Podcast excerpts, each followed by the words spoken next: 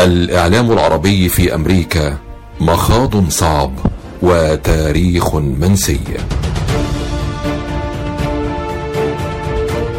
على مدى تاريخه الممتد لعقود واجه الإعلام العربي في أمريكا العديد من الصعوبات والتحديات التي أعاقت تقدمه وتطوره. ورغم ذلك كانت هناك جهود مخلصة ومحاولات جادة لتدشين وسائل إعلام عربية ناجحة يكون لها قوة وتأثير وتلبي احتياجات وطموحات الجالية العربية.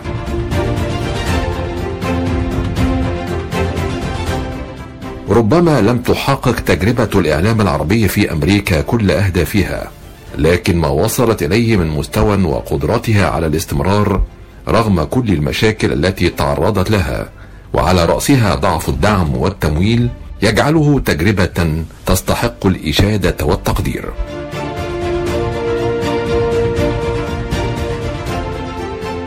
راديو صوت العرب من أمريكا يفتح معكم هذا الملف الهام من خلال لقاءات مميزة استضافت فيها الإعلامية ليلى الحسيني عددا من الصحفيين والإعلاميين وأساتذة وخبراء الإعلام لمناقشة مشاكل الإعلام العربي نشأته وتطوره حتى يومنا الحالي والعوامل الداخلية والخارجية التي أثرت عليه وعلى رأسها أزمة كورونا التي مثلت أكبر التحديات لوسائل الإعلام العربية المحلية في أمريكا.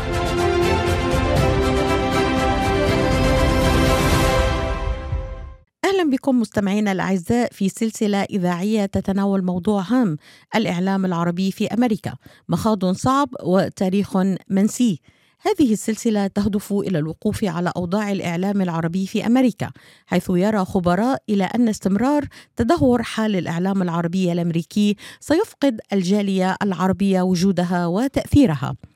وسائل الإعلام العرقية تلعب دورا مهما في وجود مجتمع عرقي فهي تركز على القضايا التي تهم هذا المجتمع.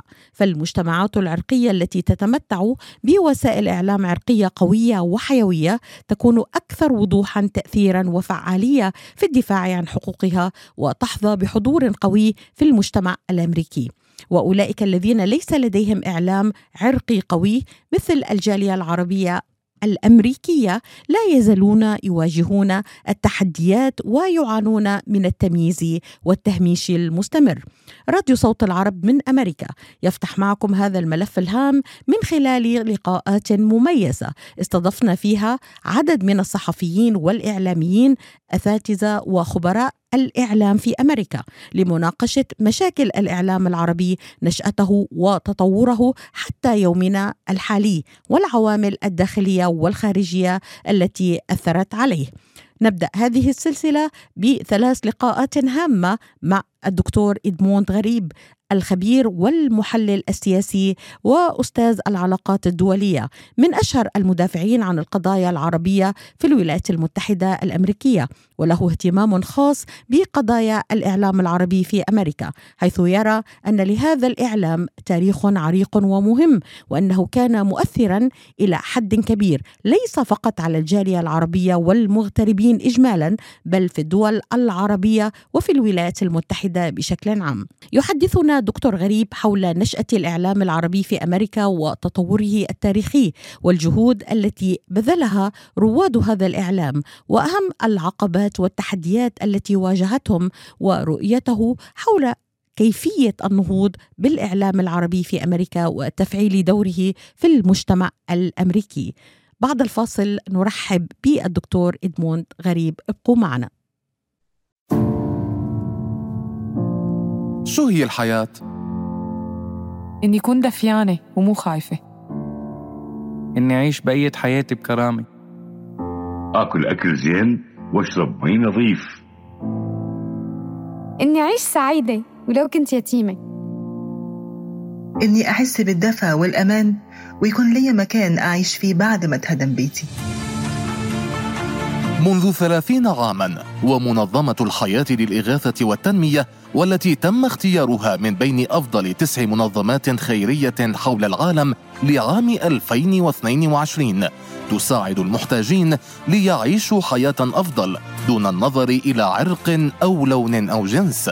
ساهموا معنا في مد جسور الأمل لمن يحتاج من خلال التبرع مباشرة عبر الموقع www.lifeusa.org أو على الرقم 1 800 827 35 43 أو السوشيال ميديا Life for Relief and Development. حيثما توجد الحياة يوجد الأمل. دكتور إدموند غريب أستاذ العلاقات الدولية في جامعة جورج تاون في واشنطن ومن أشهر المدافعين عن القضايا العربية في الولايات المتحدة الأمريكية دكتور بداية وين حضرتك درست في جامعة؟ أنا أول أول ما درست درست في الجامعة الأمريكية ك adjunct professor يعني ب...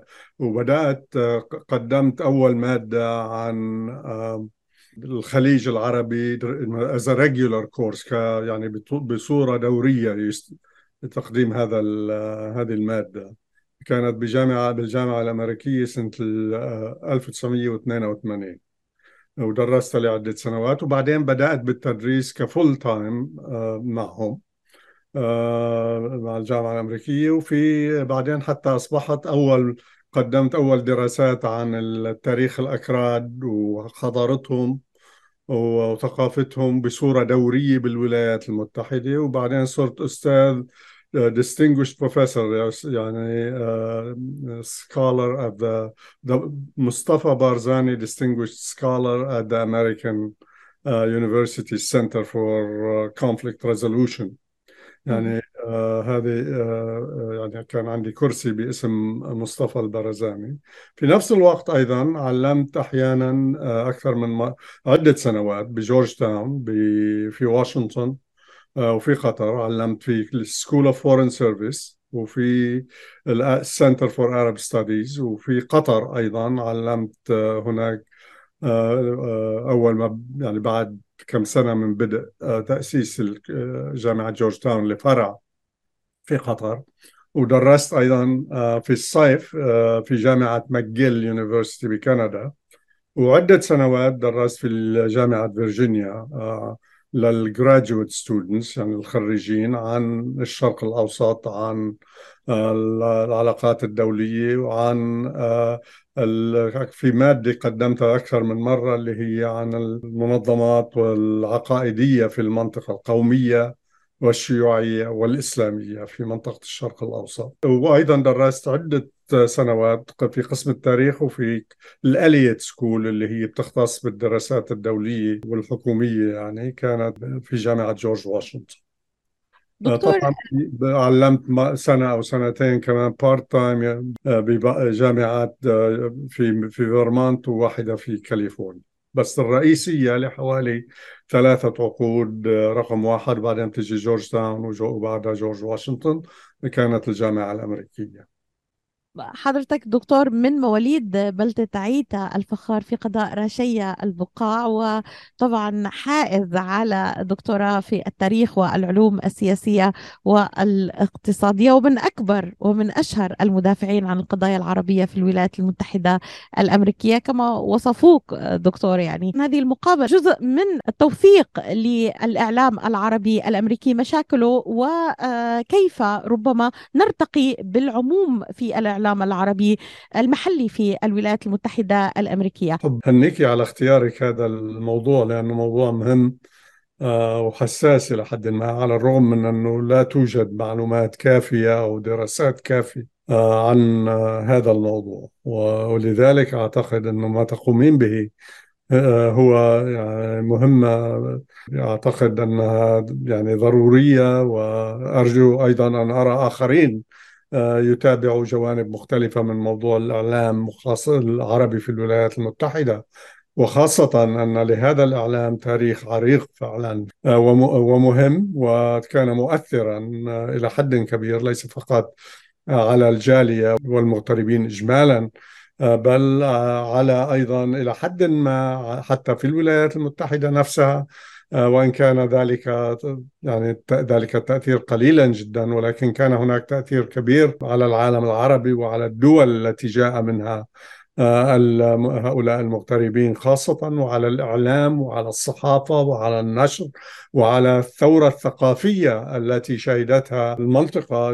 جزء منها كان نتيجة أيضا للدور الذي لعبه الأدباء المهجريون والذين كتبوا ونشروا مقالاتهم وكتبهم في مجلات وصحف وهذه آه، التي رأيناها في الولايات المتحدة مثلا آه، آه، منذ بداية تقريبا يعني التسعينات من القرن التاسع عشر وبقيت حتى ولا تزال حتى اليوم. وإن كان أعتقد رأيي هي أن الصحافة المهجرية اليوم هي أضعف مما كانت عليه بكثير فيما بالنسبة للصحافة التي برزت في المرحلة بين 1892 وحتى يمكن القول أن الثلاثينات والأربعينات وكان هناك نوع من النهضة الجديدة. رأينا في في الستينات والسبعينات كان لها أسباب آه، بعضها سياسي بعضها له علاقة بازدياد عدد المهاجرين وتنوعهم بقيت حتى تقريبا فترة قصيرة إلى حد ما وإلى آه، العقود الأخيرة. ولكن لا يزال هناك صحف مهجرية لا تزال هناك صحف تنشر باللغة العربية لا تزال هناك مجلات. وأنت أيضا من الناشطين في المجال الإذاعي طبعا يعني قمت بعمل جبار بالنسبة للإذاعة التي التي لعبت الدور الأساسي في إقامتها في ديترويت والتي تصل إلى مواطنين أمريكيين من أصول عربية في في الولايات المتحدة. وهناك محطات كانت هناك محطات تلفزيونية بعضها محلية وبعضها جاءت من قبل دول عربية بدأت تأخذ بعين الاعتبار أهمية الجاليات والعربية الأمريكية ودورها في المجتمع الأمريكي آه، ولذلك بدأنا نرى بعض المحطات التلفزيونية وبعض آه، الصحف والمجلات وبعض النشاطات وكل هذه هي جزء أعتقد مما مما يمكن أن نسميه بالإعلام العربي في الولايات استوقفني. آه، آه، دكتور سؤال مهم. حضرتك ذكرت لا يوجد العديد من الدراسات السابقة حول موضوع الإعلام العربي في أمريكا. إلى اليوم لماذا دكتور برأيك؟ أعتقد أن فعلا أولا البعض لا يعتقد أنه كان هناك لا حتى لا يعرف أنه أنه كان هناك مثل هذه النهضة العلمية والأدبية في الولايات المتحدة. طبعا البعض يعرف وكثيرين يعرفوا عن أشخاص مثل جبران خليل جبران ومخيل نعيمة وأمين الريحاني وإيليا أبو ماضي ونسيب عريضة وعبد المسيح حداد وأشخاص بعض الأشخاص الآخرين آه، أيضا. آه، ولكن حتى ما عدا جبران ونعيمة والريحاني آه، فأنهم يعرفوا القليل عن هؤلاء. آه، يعني كان هناك عدة آه، أشخاص لعبوا أدوار مهمة وبعضهم كتبوا بالإنجليزية بعضهم مثلا اكتشفت مؤخرا أنه كان هناك صحفي من سوريا من منطقة أظن أنه كان من أصلا من يبرود. وتخرج من جامعة هارفارد. آه، وكان مراسلا آه، لثلاث صحف أمريكية لمدة أظن سنة ونصف أو سنتين في المنطقة في الشرق الأوسط كان ذلك مراسلا لصحيفة آه، بروكلين إيجل البوسطن جلوب. وأعتقد أنه أيضا عمل مع ديترويت فري بريس في نفس الوقت. يعني كنت أعتقد أن أول صحفي هو كان آه، في نيويورك تايمز وذلك خلال أواخر الثمانينات أو بداية التسعينات. ولكن وجدت أنه كان هناك مثل هذا الشخص مثلا آه، قليلين جدا كان يعرفوا أن هناك مثلا كما تحدثنا في المرة الماضية عن آه، صحافة نسائية في الولايات المتحدة. الدور الذي لعبته عفيفة كرم وفيكو بدأت مجلة نسائية العالم الجديد النسائي. وأيضا فيكتوريا طنوس وهناك عدد آخر من النساء صحيح عددهم كان قليلا جدا ولذلك لأنه حتى في الولايات المتحدة كان عدد النساء آه، في الصحافة الأمريكية محدودا. يعني في مع تقريبا بداية القرن أو نهاية القرن الماضي ربما كان في السنوات الأخيرة حوالي 600 امرأة تعمل بالصحافة وفي بداية القرن ربما حوالي 1000 1200 امرأة. وبالتالي فإن هذا أيضا حتى يعني لا, لا نعرف الكثير عن هؤلاء الأشخاص. المسألة الأخرى أيضا صعوبة الحصول آه، على الكثير من هذه المواد الصحف والمجلات. آه، صحيح يجب أن نشكر عدة بعض الأشخاص الذين لعبوا دور مهم في الحفاظ عليها. كان آه، هناك أليكسا ناف وهي من منطقة رشية أو أهلها من منطقة رشية ولكنها آه، ولدت في الولايات المتحدة وبدأت تجمع معلومات بعضها عن أسرتها ولكن فيما بعد عن بعض المجلات والصحف العربية والصور للجالية ولنشاطاتهم وللأسر وغير ذلك. وجزء منها أظن في المتحف السميثسونيان ولكن الشخص الذي لعب دورا بارزا ومهما جدا كان الدكتور جورج عطية وهو مدير آه، قسم الأورينتاليا. غيروا اسمه الآن أظن اسمه منطقة الشرق الأوسط وأفريقيا في مكتبة الكونغرس. آه، وهو كان هناك لسنوات وعمل يعني جهد هائل للحصول على الكتب التي تنشر باللغة العربية إن كان في العالم العربي أو خارج العالم العربي وخاصة في الولايات المتحدة واستطاع الحصول على عدد لا لا يستهان به من الصحف العربية. ولكن حتى هذه حتى مكتبة الكونغرس مثلا وجدت أن هناك عدة كتب زجل آه، لشعراء زجل في في نشروها في الولايات المتحدة آه، ولكن هذه غير موجودة حتى في مكتبة الكونغرس. وبالتالي وجزء من المشكلة هي أن أحيانا عندما تكون بعض الصحف والمجلات موجودة لدى بعض الأسر عندما يتوفى الأشخاص الذين يعرفوا العربية فإن أبنائهم أو أحفادهم لا يعرفوا اللغة فعادة كانوا يرموا آه، معظم هذه الكتب أو المجلات أو يعطوها لأشخاص آخرين و آه، وبالتالي فإنها تضيع يعني. واكتشفت مؤخرا أخبرني وأظن تعرفونه جيدا هو الدكتور آه، المحامي ألبرت مخيبر الذي كان رئيسا عدة سنوات للأي دي سي آه، في في واشنطن وهو من الناشطين بالنسبة للقضايا العربية الأمريكية مولود في الولايات المتحدة في ولاية نيويورك على قريب من الحدود الكندية. آه، اكتشف هو مؤخرا لم يكن يعلم ذلك أن هناك صحيفة آه، كانت تصدر في منطقتهم هناك باللغة العربية. آه، أصحابها كانوا محرريها من أسرة الأسود. أحدهم الآن رئيس قسم الطب في جامعة كورنيل وهو يحاول أن إما أن يدفعهم للتبرع بها لمكتبة الكونغرس أو لمكتبة جامعة في نيويورك للحفاظ عليها. وهذه لم حتى لا أعتقد أن أي آه، إنسان أو حسب علمي أنه كانت هناك إشارة آه، لوجود هذه آه، الصحيفة في أي آه، ما كتب في أي شيء كتب عن الصحافة العربية. ونحاول الآن الحصول على معلومات. هناك أيضا في ديترويت عندكم هناك المتحف أظن العربي. العربي الأمريكي. الأمريكي نعم. وهم أيضا يحاولوا جمع بعض هذا التراث المهم. وهناك أيضا مؤسسة خير الله تركز على حفظ التراث اللبناني الأمريكي. آه، وهناك أيضا الكنيسة الأرثوذكسية آه، في الأنطاكية آه، في لهم الفرع فرع أمريكا الشمالية لديهم مكتبة كبيرة في نيوجيرسي ويحاولوا جمع الكثير من الكتب إن لم يكن كلها الكتب والمجلات والصحف.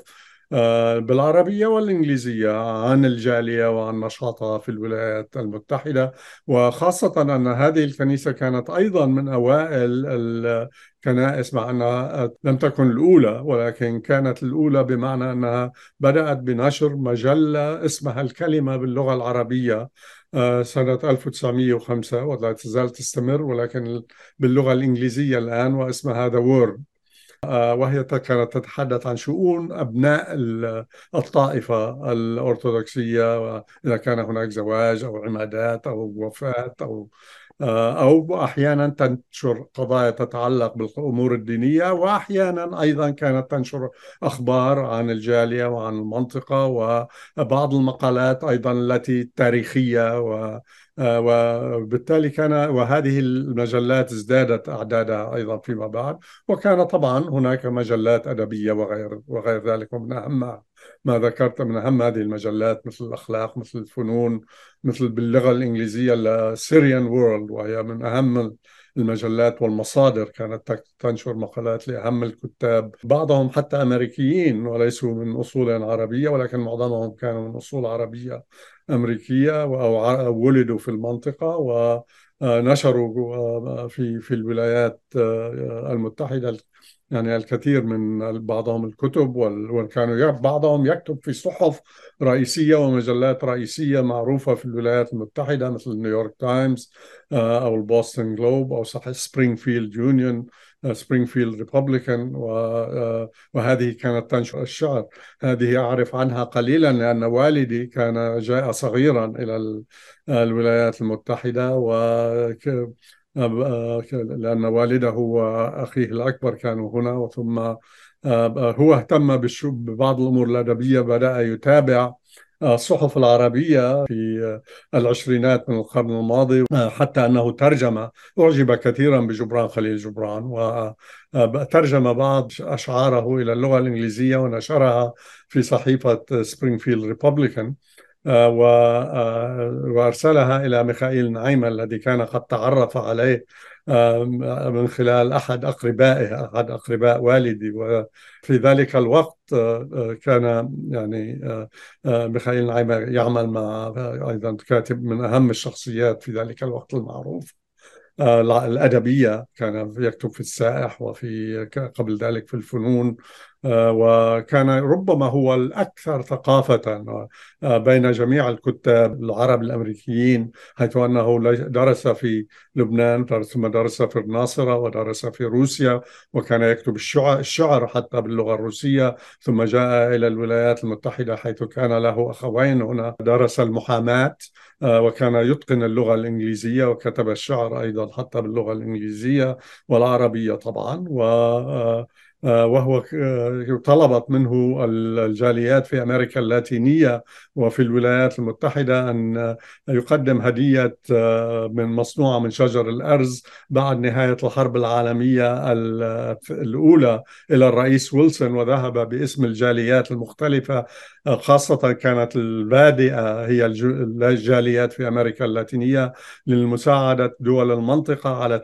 التحرر من الحكم العثماني والمطالبة بألا تقع هذه الدول أيضا تحت حكم أجنبي آه، آخر. ولمساعدة الولايات المتحدة آه، المطلب بمساعدة الولايات المتحدة في هذا المجال. ولذلك أرسلها إليه اولا ليطلعه انه ترجمها وثانيا ليأخذ انطباعه عنها. وقام ميخائيل النعيمي بإرسالها إلى جبران ووالدي تتعرف فقال له سأله من هو؟ آه، غريب أو كان يكتب اسم اندرو غريب آه، وقال له هو شاب صغير من بلادنا يا جبران.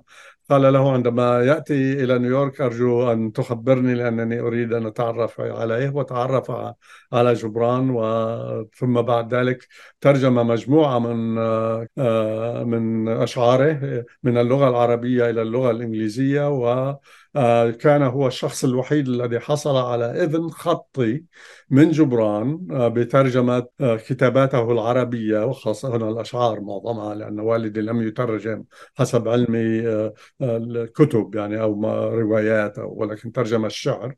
ونشرت فيما بعد نشر الكتاب تحت اسم بروز بومز بعد وفاة جبران من نفس دار النشر التي نشرت كل كتب جبران باللغة الإنجليزية.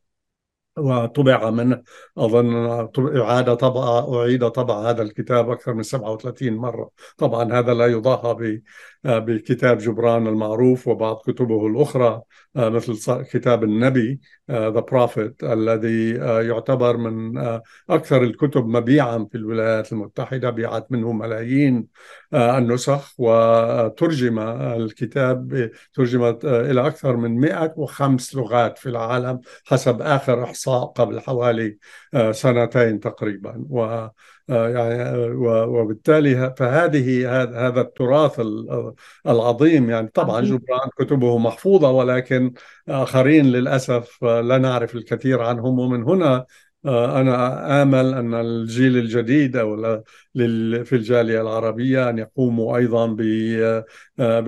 بالبحث يعني ودراسة هذا التراث الغني.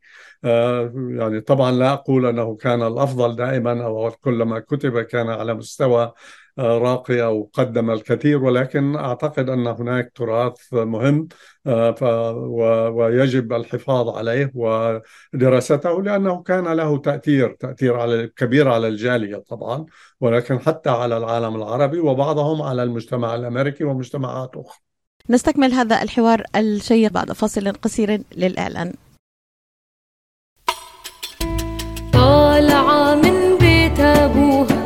رايحة المطعم عشتار فاطمة سلم علي يمكن لحيله جوعان. قلت له يا حلوة خديني وبعشتار غديني. قلت له يا حلوة خديني وبعشتار عشيني. قالت لي روح يا مسكيني عشتار the best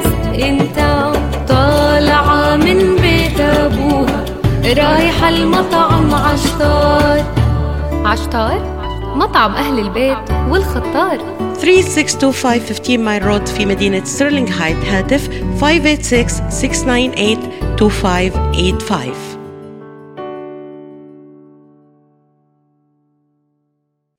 بروفيسور غريب فقط للتوثيق يعني هل ممكن العديد منا طبعا أنت غني عن التعريف بروفيسور ولكن لديك يعني آه، مشاركات مهمة جدا فيما يتعلق بالإعلام العربي الأمريكي. غطيت هذا المحور الهام من خلال كتب وكتابات كثيرة. كما أشرت الدراسات الموجودة آه، قليلة جدا في هذا الموضوع. لذلك لو أعود معك بالتفصيل إلى العديد من النقاط الهامة التي وردت آه، من خلال مقدمة حديثك يعني. دكتور إذا حبينا أن نركز كيف نشأ الإعلام العربي في أمريكا؟ من هم رواد الإعلام العربي في أمريكا؟ وكيف كانت هذه النشأة آه، تاريخيا ومتى؟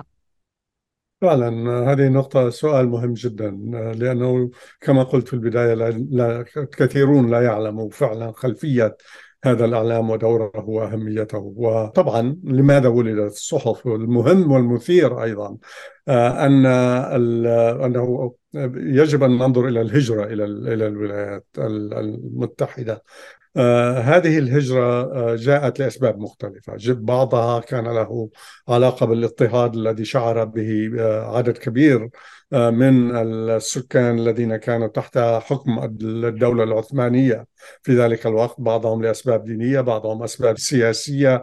ولكن هناك أسباب أخرى أكثر أهمية ربما وهي أولا آه، أن الكثير من المهاجرين الذين جاءوا جزء من بعضهم جاء لأنهم آه، سمعوا مثلا بأن الملك أمريكا يعطي أرض للفلاحين. آه، مجانا في الولايات المتحدة وكان ذلك في إشارة إلى ما يعرف بال Homestead Act الذي آه، تبناه آه، الرئيس لينكولن في خلال الحرب الأهلية الأمريكية وكان يعطي أراضي حوالي 40 أو 60 فدانا من الأرض مجانا في ال Midwest في الولايات المتحدة وفي مناطق أخرى لمن يريد أن يزرع. آه، هذه الأرض. وصلت هذه المعلومات بعد حوالي عشر سنوات أو أكثر بدأت تصل إلى الشرق الأوسط. آه، عندما سمعوا أن ملك أمريكا آه، يعطي أراضي مجانية للفلاحين. الجزء السبب الآخر أيضا له علاقة بالمبشرين الأجانب وخاصة المبشرين الأمريكيين الذين بدأوا ينشطوا في المنطقة في بداية القرن التاسع عشر وأسسوا مدارس أو مدرسة مثلا أسسوا المدرسة الكلية السورية الإنجيلية آه، البروتستانتية في بيروت والتي تحولت فيما بعد إلى الجامعة اسم الجامعة الأمريكية آه، في بيروت.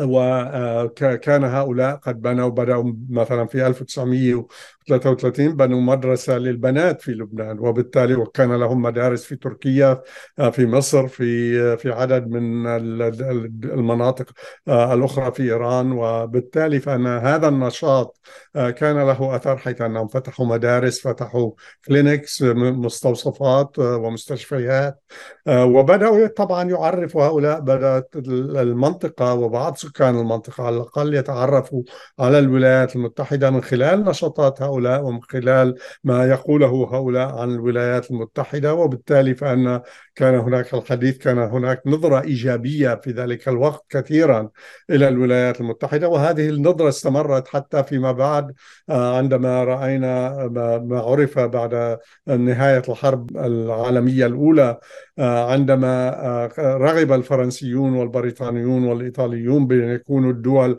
المنتدبة الدول المنتدبة التي تحكم عدة دول عربية ولكن كان هناك معارضة لذلك في من قبل العديد من المثقفين ومن المنظمات آه، الموجودة وبعض الجمعيات السياسية في ذلك الوقت في المنطقة آه، وعندما أرسل الرئيس ويلسون وفدا أو تاسك فورس إلى إلى المنطقة في ذلك الوقت ليتعرفوا على آراء السكان. قال لهم السكان أنهم يريدوا أو ممثليهم وممثلين كانوا معظمهم بعضهم رجال دين بعضهم شيوخ قبائل بعضهم آه، أساتذة كليات أو مدارس آه، وبعضهم صحفيين وبالتالي آه، مثلوا تقريبا المجتمع في ذلك الوقت. وقالوا لهم أننا نفضل أن نكون مستقلين ولكن إذا لم يكن الاستقلال ممكنا فإننا نحن نفضل أن نكون تحت الانتداب الأمريكي بدلا من الانتداب البريطاني أو الفرنسي أو الإيطالي وذلك لأنه كانت هناك نظرة إيجابية إلى الولايات المتحدة جزء منها تطورت بسبب الدور الذي لعبه المبشرين وغيرهم والجزء منه له علاقة مع بداية الهجرة وعودة بعض المغتربين الذين نجحوا وبنوا بيوتا جديدة وحصلوا على ثروات معقولة بعضهم وبعضهم يعني غير غير متوقعة آه، وتحدثوا لهم عن عن الولايات المتحدة التي تتمتع بحريات لا تتمتع بها المنطقة ودولها وفي ذلك الوقت خاصة كانت الدولة العثمانية. وهذه كلها ساهمت في إيجاد نظرة إيجابية للولايات المتحدة. وأيضا بأن هناك فرص للعمل. هذه كانت طلب للرزق. ولذلك بدأنا نرى في البداية أن غالبية المهاجرين جاءوا من لبنان.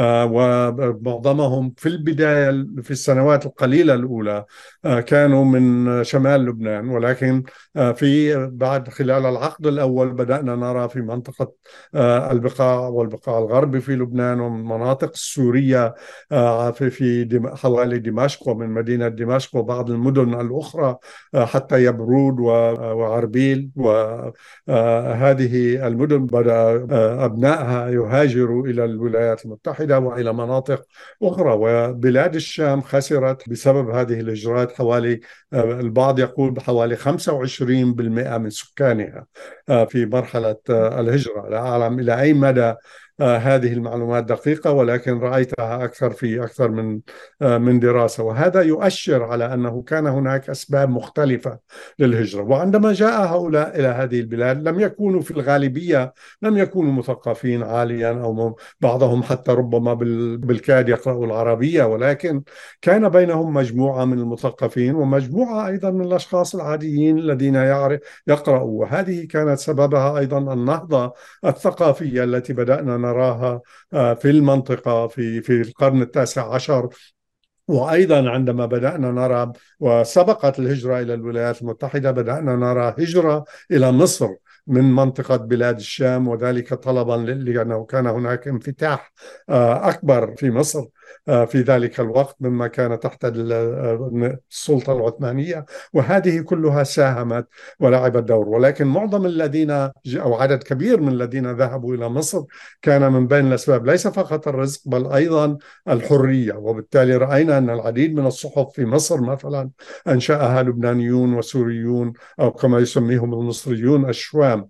آه، وبالتالي فإن هذه لعبت دور صحف صحيفة الهلال مجلة المقتطف آه، ومجلات مجلات وصحف كثيرة روزل يوسف حتى وغيرها هذه أسسها لبنانيون وسوريون في مصر. ولكن بعدما سمعوا أكثر عن الولايات المتحدة وعن الفرص في أمريكا الجنوبية بدأنا نرى هذه الهجرة وبعضهم ذهب بالخطأ. بعض كان يقصد الذهاب إلى الولايات المتحدة وانتهى في أمريكا اللاتينية والعكس بالعكس. ولكن عندما وصلوا إلى هنا أيضا بدأوا في وهذه النقطة مثيرة وتختلف عن الكثيرين أيضا. من الأثنيات الأخرى. وذلك لأنه آه، عندما آه، وصلوا إلى حتى بدأوا يبنوا طبعا الأغلبية في البداية كانت المسيحيين آه، كما قلت في البداية بدأ الموارنة والكاثوليك ولكن بعد ذلك كانوا من الأرثوذكس ومن طوائف مسيحية أخرى ومن المسلمين أقلية في البداية من المسلمين ولكن هذا العدد زاد وبدأنا نراه في من البقاع في لبنان منطقة البقاع وأيضا من مناطق في سوريا كان عدد لا يستهان به من المسلمين. المسلمين والمسيحيين الذين بدأوا أيضا يهاجروا وجزء منهم الكبير كان طلبا للرزق وجزء من بسبب الحرية وبسبب الفرص المتوفرة. ولكن عندما وصلوا بعضهم كانوا كما قلت حصلوا على ثقافة لا يستهان بها وبدأوا حتى بنشر الصحف حتى قبل أن يبدأوا ببناء كنائسهم وجوامعهم في الولايات المتحدة. وهذا أمر مثير جدا أن أول آه، صحيفة. آه، في الولايات المتحدة آه، كانت صحيفة كوكب أمريكا التي أسسها آل عربيلي. وآل عربيلي هم أصلا من عربيل أو عربين بلدة عرب في وهي بلدة قريبة من دمشق في سوريا اليوم. وبالتالي هؤلاء كان الأب هو طبيب ودرس في الكلية السورية البروتستانتية وانتقلوا في من سوريا إلى بيروت. وهاجروا كانت أول عائلة تهاجر إلى الولايات المتحدة. وكانوا مثقفين وأحد أبنائهم وصل حصل عينه الرئيس الأمريكي قنصل في القدس وكان يتكلم. آه، عدة لغات بطلاقة بالإضافة إلى اللغة العربية والإنجليزية. كان يتع... أيضا حسب ما قرأت يعرف عدة لغات أخرى من بينها الفرنسية والسريانية والعبرية وال... وال... واليونانية. عين قنصلا في القدس بالنسبة للولايات المتحدة. واثنان من أبناء عربيلي بدأوا صحيفة كوكب أمريكا آه، وبدأوا صعوبة. في البداية في الحصول على آه، طابعة على مطبعة. آه، وكانوا آه، على الأقل كانوا يدعموا أو في في منشوراتهم على الرغم من أنهم كانوا أيضا على اطلاع بالوضع في المنطقة ولكنهم في أول عدد لهم نشروا مديح للسلطان العثماني وذلك ربما كان لأنهم حصلوا على مطبعة عربية لأنهم واجهوا صعوبة في الحصول على مطبعة هنا ولنشر جريدة صحيفتهم. وكانت صحيفة مهمة جدا ومميزة إلى حد ما واهتمت بشؤون الجالية وكان هذه من بين الأدوار التي لعبتها هذه الصحافة. ويمكن أن نتحدث أكثر آه، عن بعض الصحف الأخرى ولكن أظن كان لديك سؤال. عفوا.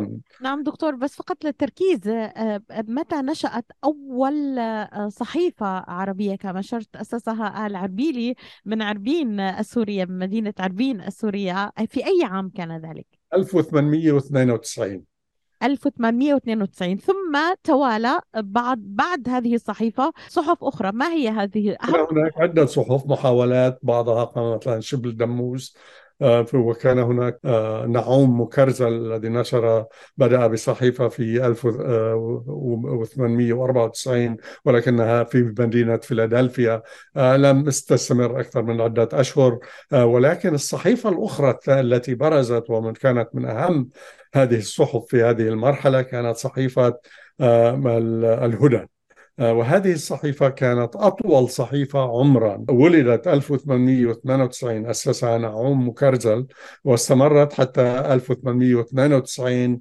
في الولايات المتحدة بعد وتحولت في السبعينات من القرن العشرين من آل مكرزل ابن كانت آخر من ترأسها إحدى بنات سلوم مكرزل وهو شقيق نعوم مكرزل الذي استلم الصحيفة بعد وفاة أخيه نعوم في الثلاثينات من القرن الماضي. وثم اشتراها فارس اصفان واستمرت حتى 1892 93 وكان من بين الذين لعبوا دور مهم في تحرير هذه الصحيفة. كانت هناك سيدة من أظن اسمها الأول نهاد الحايك حررت الصحيفة وتحت إدارة أصفان وأيضا لعب هنري زغيب الشاعر المعروف والكاتب والأستاذ الجامعي في لبنان الآن دور في هذه الصحيفة وكذلك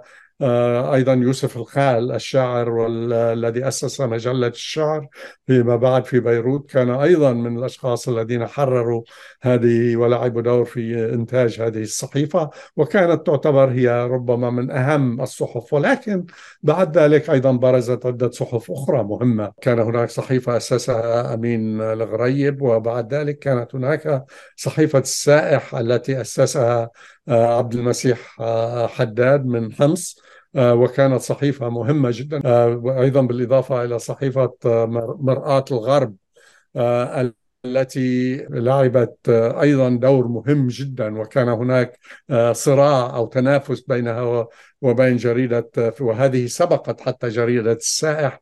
وكان جورجي نجيب بدران وهو من المعارضين للدولة العثمانية وحكم عليه بالإعدام وذهب إلى مصر ومن مصر بعد ذلك جاء إلى الولايات المتحدة وبالتالي فهو لعب دور مهم في تأسيس هذه الصحيفة. وهذه كانت من أهم الصحف. طبعا أهميتها أولا أنها كانت لعبت دور في تعريف المهاجرين اللبنانيين إلى المجتمع الجديد الذي يعيش فيه، كان هناك مقالات حول الدستور الأمريكي، حول القوانين الأمريكية، حول طريقة العمل، حول المسائل الطبية وبالتالي فإن هذه كانت مهمة جدا. في العديد من هذه الصحف كان هناك مثلا عواميد تتحدث عن مشاكل طبية أطباء من أصول من المهاجرين وبعضهم كانوا معظمهم رجال ولكن كان هناك بعض الطبيبات أيضا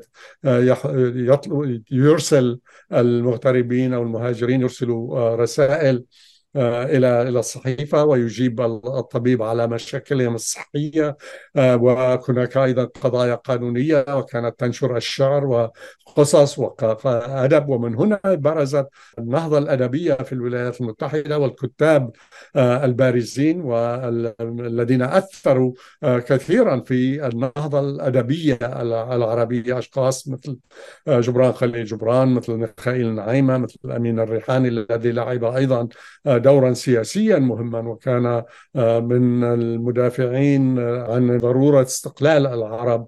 وفيما بعد عن الوحدة العربية أيضا وكان صديقا مقربا لزار نجد والحجاز ومنطقة الخليج وذهب إلى اليمن وزار كل المنطقة وكتب كتبا مهمة وقدم حتى نصائح للإدارة الأمريكية في ذلك الوقت. وأيضا كان له علاقة جيدة جدا مع الملك فيصل الأول الذي كان ملكة سوريا ثم بعد ذلك أصبح ملكا في العراق وكتب كتابا عنه مهم جدا وبالتالي كان هناك هذه الشخصيات التي بدأت تؤثر على المفكرين العرب على الصحافة العربية. أيضا كان هناك شيء آخر لعبت هذه الصحافة دور مهم فيه وهو هذا الدور الذي لعبته. اولا هو أنها بدأت أيضا تتفاعل مع وتاثرت بالنهضة الأدبية التي شهدتها المنطقة في في مصر وفي سوريا وفي لبنان. وإلى حد ما في العراق في القرن التاسع عشر تحديث اللغة العربية إلى حد ما استخدام عبارات جديدة طريقة جديدة للكتابة. إلى حد ما بعضها كان متاثرا بالغرب وبالكتابات الغربية ولكن جزء منها أيضا كان متأثرا بالصوفية وبالتصوف آه، التاريخي في المنطقة وأيضا حتى في في الشرق الأقصى. وبدأنا نرى هذا التأثير يظهر في بعض الكتابات مثلا بعض كتابات جبران آه، خليل جبران وحتى ميخائيل نعيمة إلى إلى آه، مثلا بالنسبة لهذه المواضيع وكان هناك أيضا عدد كبير أسسوا الرابطة القلمية وهي رابطة مهمة جدا لعبت دور في الإعلام في الصحافة العربية المهجرية وفي نشر الكتب. وخاصة أيضا أنه يجب أن لا ننسى أن كانت هناك مجلات وكان هناك كتب ويمكن أن نتحدث عنها أكثر. مثلا كانت هناك صحفية أمريكية مهاجرة آه، وهي اسمها عفيفة كرم هاجرت إلى الولايات المتحدة أظن في 1800 إما 97 أو 96 آه، وهي كانت تزوجت في الرابعة عشر من عمرها عندما ذهب أحد أقربائها آه، وأظن أنه كان هو طبيبا أو رجل أعمال لست متأكدا من المعلومة وكان يعيش في ولاية لويزيانا وتزوجها وجاءت هي وأمها معه إلى الولايات. المتحدة وكانت درست في مدرسة راهبات في بلدة عمشيت في لبنان آه، وكانت مهتمة بالكتابة والأدب. ومرة غضبت من أحد من رجل الدين الخوري في ذلك في منطقتهم لا أعلم ما هو السبب ووجهت رسالة إلى صحيفة الهدى. ولكن أهلها وزوجها هم طلبوا منها استرجاعها واتصل ولكن هذه كانت بداية تواصلها مع رئيس تحرير جريدة الهدى الذي أعجب بمنطقها إلى حد ما وقال أنه إذا كانت هي مستعدة للاستمرار في الكتابة فهو مستعد لأن يساعدها في التحرير وتدريبها إلى حد ما وبدأت هذه العلاقة بالمراسلة ثم بدأت تكتب لهذه الصحيفة بصورة دورية ثم في 1911 آه، أسست آه، صحيفة تعنى بالمرأة سمتها العالم النسائي الجديد وكان هدفها الأساسي ما تقوله وهو مساعدة المرأة السورية وتحريرها وطالبت أهالي والمغتربين وثم أيضا في في الوطن الأم أنه يجب أن يسمح للمرأة بأن تذهب إلى الجامعات وأن تدرس آه، وأن تحقق طموحاتها وأن تختار زوجها آه، بنفسها أن يكون لها هذا الحق بأن يكون لها صوت في من تختاره كزوج لها آه، وأن تعمل أيضا وأن يكون لها حق العمل كما هو للولد أو للصبي في وللشاب في المجتمعات العربية. وكان همها في هذه المجلة وكانت في ذلك الوقت واسمها العالم النسائي الجديد. نعم و... في في أي عام كان ذلك؟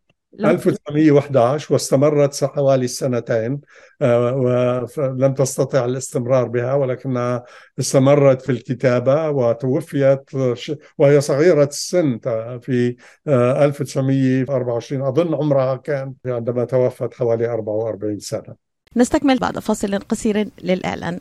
هل تعاني من ألام في المفاصل أو العظام؟ هل جربت الأدوية دون فائدة؟ هل تفكر في إجراء عملية؟ انتظر الحل لدى مركز Top Rehab للعلاج الطبيعي جهاز SoftWave علاج جديد غير جراحي يستخدم الموجات فوق صوتية لتحفيز الجسم على بدء عملية الشفاء وتوليد أنسجة جديدة في مجالات جراحة العظام الكسور العناية بالجروح وعلم الجمال دون جراحة أو تخدير وقت علاج قصير نتائج سريعة طويلة الأمد تستخدمه العديد من المراكز البحثية الطبية والرياضية الرائدة في أمريكا. الآن حصريا في ميشيغان لدى مركز Top Rehab للعلاج الطبيعي. احجز جلسة تقييم شامل لحالتك بواسطة جهاز SoftWave وبرسوم رمزية. اتصلوا الآن على 313-846-0555 Top Rehab Physical Therapy بإدارة أخصائي العلاج الطبيعي الدكتور محمد فرح حسين بخبرة أكثر من 20 عاما. اتصلوا الآن واحجزوا 313 846 0555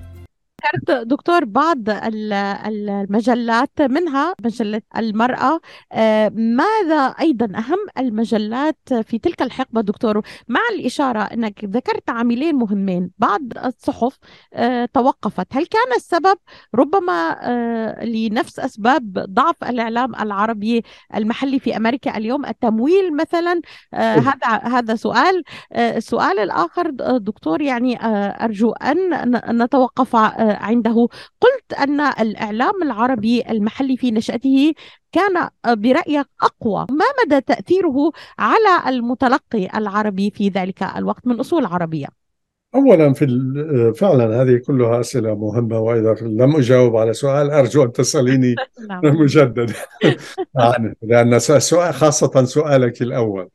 آه هذا الذي يعني نعم. الآن أشرت إليه آه وهو أن لعبت دور لأنها عرفت آه المهاجرين بمجتمعهم الجديد لأنهم لم يكونوا يعرفوا آه، أشياء يعني أشياء قليلة جدا يعرفوها عن الولايات المتحدة عن طريقة الحياة فيها عن قوانينها عن دستورها عن الحريات التي كانت آه، من حق المواطن أن يتمتع بها. لعبت دور مهم. آه، أيضا في تعريف أبناء الجاليات المختلفة بما كان يجري في وطنهم الأم في أوطانهم وكان لهم اهتمام خاصة في بعض الصحف. وبعض الصحف تبنت آراء سياسية مختلفة مثلا صحيفة الهدى تبنت مواقف لبنانية تركز على استقلال لبنان وبقائه وعدم انضمامه إلى أي دولة عربية أخرى بينما صحف مثل مرآة الغرب آه، مثل آه، السائح آه، مثل السمير مثل وحتى صحيفة كان يركز عليها نشرها بالإنجليزية أخوه آه، نعوم مكرزل آه، سلوم مكرزل وهم أقرباء أيضا آه، لأمين الريحاني وكان نعوم مكرزل أستاذ أمين الريحاني عندما كان في لبنان ونشر أمين الريحاني أول كتاباته في صحيفة الهدى ولكنه بسبب مواقفه السياسية واختلافه مع نعوم مكرزل بدأ ينشر أكثر في الصحف الأخرى. وبالتالي يعني هذه لعبت دور في مهم جدا أيضا في آه، أن آه، تعريف ما يجري في العالم العربي وفي حتى في العالم إلى حد ما آه، للمواطنين تخبرهم وذلك لأن هذه الصحف كان لها مراسلين. آه، لا أعلم هل كانوا يدفعوا لهم بصوره دورية أو بعضهم يتبرعوا كانوا يرسلوا مقالات تتحدث عما يجري في كان هناك مراسلين في إسطنبول في دمشق في آه، في بيروت في القاهرة في كاراكاس في ريو دي جانيرو وكان هناك مجلة مثلا مجلة الفنون آه، التي آه، آه، لعبت دور مهم جدا وكان نسيب عريضة وهو أيضا من حمص مدينة حمص التي أسسها وكانت من أهم المجلات التي كتب فيها الكتاب المهجريين الأبرز الكتاب المهجريين وكان كان يأتيها اشتراكات. أتاها رأيت مرة تطلعت على أسماء بعض المشتركين وعناوين عناوينهم بعضهم جاءوا من من السودان من من مصر من البرازيل من سوريا من لبنان من من لندن من فرنسا من أستراليا من المكسيك. وحتى بعض الكتاب كانوا أحيانا ينشروا ويبعثوا مقالات من من هذه المناطق. يعني إذا نظرنا إلى هذا هذا أمر يعني غير عادي بكل معنى الكلمة. بالإضافة إلى كل ذلك أيضا فيما بعد. كان هناك شيء آخر مهم آه، جدا وهو أنه عندما مثلا حدثت الحرب وحدثت المجاعة آه، في لبنان وحتى في بعض المناطق السورية قامت الجاليات وقامت الصحف الصحف والكتاب ومن بينهم لعب جبران خليل جبران وميخائيل نعيمة وأمين الريحاني وآخرين آه، أدوارا مهمة في أن تلعب الجالية دور لمساعدة أبناء وطنهم. تم تجميع عدد لا يستهان به من الأموال في ذلك الوقت. وأرسل لمساعدة الناس الذين كانوا يعانون. وبالتالي كان هناك هذا الرابط على الرغم من أنه طبعا لم تكن هناك طائرات ولم يكن هناك إنترنت في ذلك الوقت ولكنه كانت هذه أداة تواصل آه، من الطرفين. بالإضافة إلى ذلك لعبت أيضا الصحف المهجرية دورا مهما في أنها تأثرت بالإعلام الأمريكي والطريقة التي تكتب بها الصحف الأمريكية الأخبار مثلا كان هناك وهذا هناك تراجع عن ذلك هذه الأيام في الولايات المتحدة.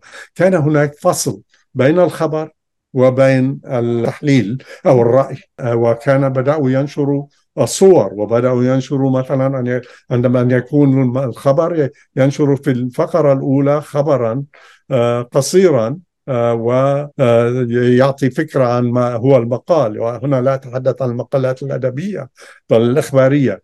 هذه أيضا أثرت على الصحافة العربية والطريقة التي بدأت تكتب بها الصحافة العربية الطريقة آه، التي تنشر بها أخبارها. بالإضافة إلى ذلك كان هناك تطور تقني مهم جدا لعب دورا آه، ثوريا إلى حد ما. اولا كان هناك لينوتايب ماشين اخترعت في الولايات المتحدة لتسهيل الطباعة باللغة الإنجليزية وتسريعها يعني تطبع بسرعة آه، آلة طابعة تطبع بسرعة الصحف الإنجليزية.